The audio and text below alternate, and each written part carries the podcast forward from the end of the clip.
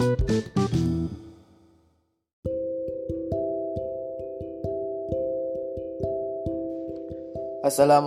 warahmatullahi wabarakatuh. Perkenalkan nama saya Imam Husaini, mahasiswa jurusan Komunikasi Penyiaran Islam IAIN Syekh Nurjati Cirebon. Nah, kali ini saya akan sedikit membahas mengenai bahagia ketika sakit. Mungkin kalian sering mendengar kata pepatah gini, tiada gading yang tak retak. Pepatah yang terkenal di masyarakat kita eh, sebagaimana gading, tidak ada manusia yang tidak pernah sakit. Saya, Anda, dia, mereka, siapa pun pasti pernah merasakan sakit. Karena itu sebenarnya bukanlah sakit yang menjadi masalah besar bagi kita. Namun, yang lebih penting untuk itu kita harus memperhatikan bagaimana bisa menjadi hamba yang lebih baik ketika sakit. Karena sakit itu pasti. Sementara bagaimana cara melakukan yang terbaik ketika sakit itu kembali kepada pilihan kita. Kita bisa mendapatkan banyak pahala ketika sakit. Namun sebaliknya, sakit yang kita alami bisa menjadi sebab munculnya dosa. Mari kita ingat sabda Rasulullah Shallallahu Alaihi Wasallam yang mana artinya sesungguhnya Allah ketika mencintai suatu kaum, dia akan menguji mereka dengan musibah. Barang siapa yang ridho dengan musibah itu, maka Allah akan ridho kepadanya. Sebaliknya, siapa yang marah atau tidak suka dengan musibah itu, maka dia akan mendapatkan murka dari Allah. Hadis riwayat Tirmizi dan Ibnu Majah.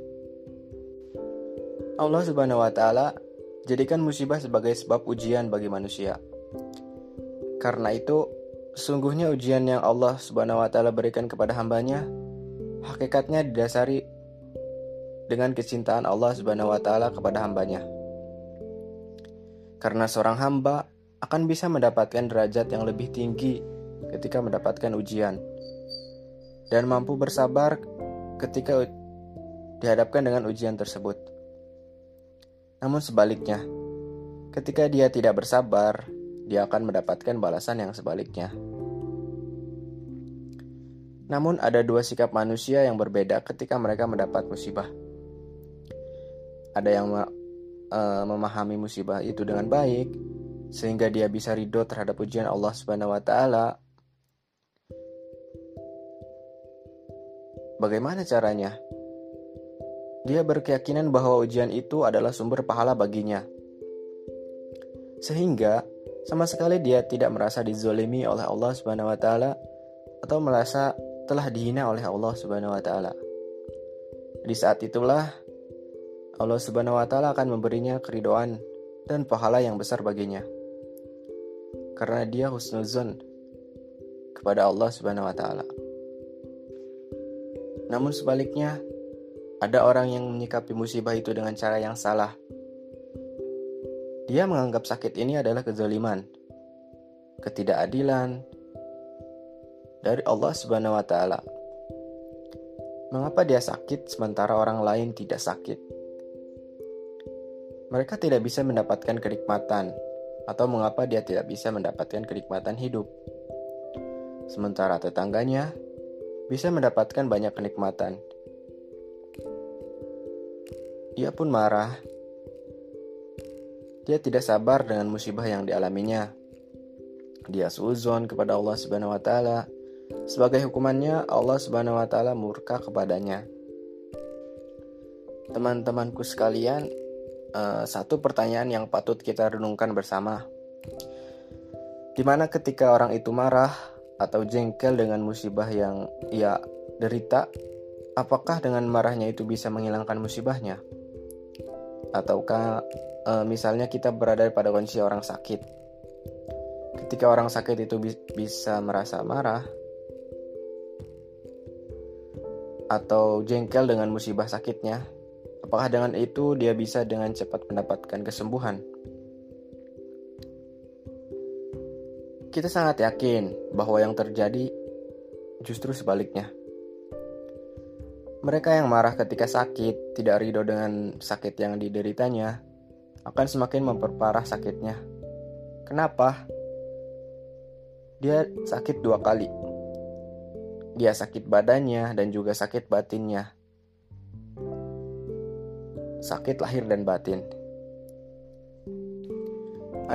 Ajaran Rasulullah Wasallam dan orang soleh, mereka bisa berbahagia ketika sakit bahkan lebih bahagia dibandingkan dengan manusia biasa ketika mendapatkan kenikmatan. Mereka lebih gembira dengan ujian yang dideritanya, melebihi kebahagia kebahagiaan orang yang baru mendapatkan banyak harta. Karena mereka meyakini bahwa sakit adalah sumber pahala baginya.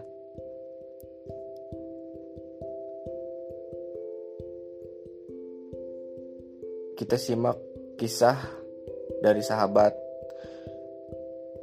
Sa'ad bin Waqqas radhiyallahu anhu. Pada usia tua beliau beliau pernah datang ke Mekah dalam kondisi matanya sudah buta. Nah, melihat kedatangan beliau, masyarakat kemudian berdatangan dan menyambutnya karena beliau seorang sahabat Nabi dan juga seorang ulama dan mereka meyakini bahwa Sa'ad bin Abi Waqqas adalah orang yang doanya sangat mustajab seperti disabdakan Rasulullah Shallallahu Alaihi Wasallam. Maka satu demi satu orang minta didoakan oleh Sa'ad. Sampai ada pemuda yang datang bernama Abdullah. Beliau memperkenalkan diri kepada Sa'ad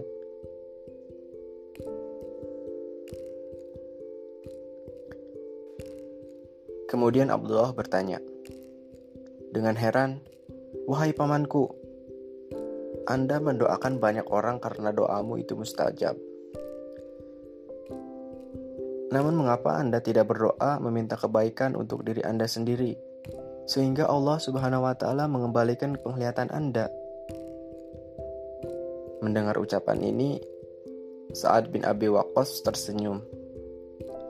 Kemudian beliau berkata, Wahai anakku, aku menerima takdir Allah yang Allah berikan kepadaku itu lebih indah dibandingkan mataku.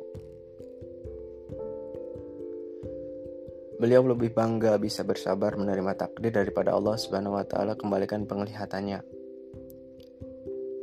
Itulah perasaan orang-orang soleh. Rasulullah Shallallahu Alaihi Wasallam dan para sahabatnya, mereka bangga dengan sakitnya, mereka bangga dengan apa yang mereka derita.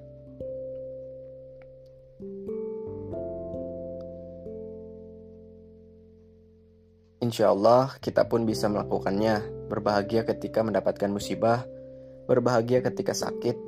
Tinggal saatnya kita sekarang mulai melatihnya. Untuk kali ini, sekian dan terima kasih. Semoga bermanfaat. Wassalamualaikum warahmatullahi wabarakatuh.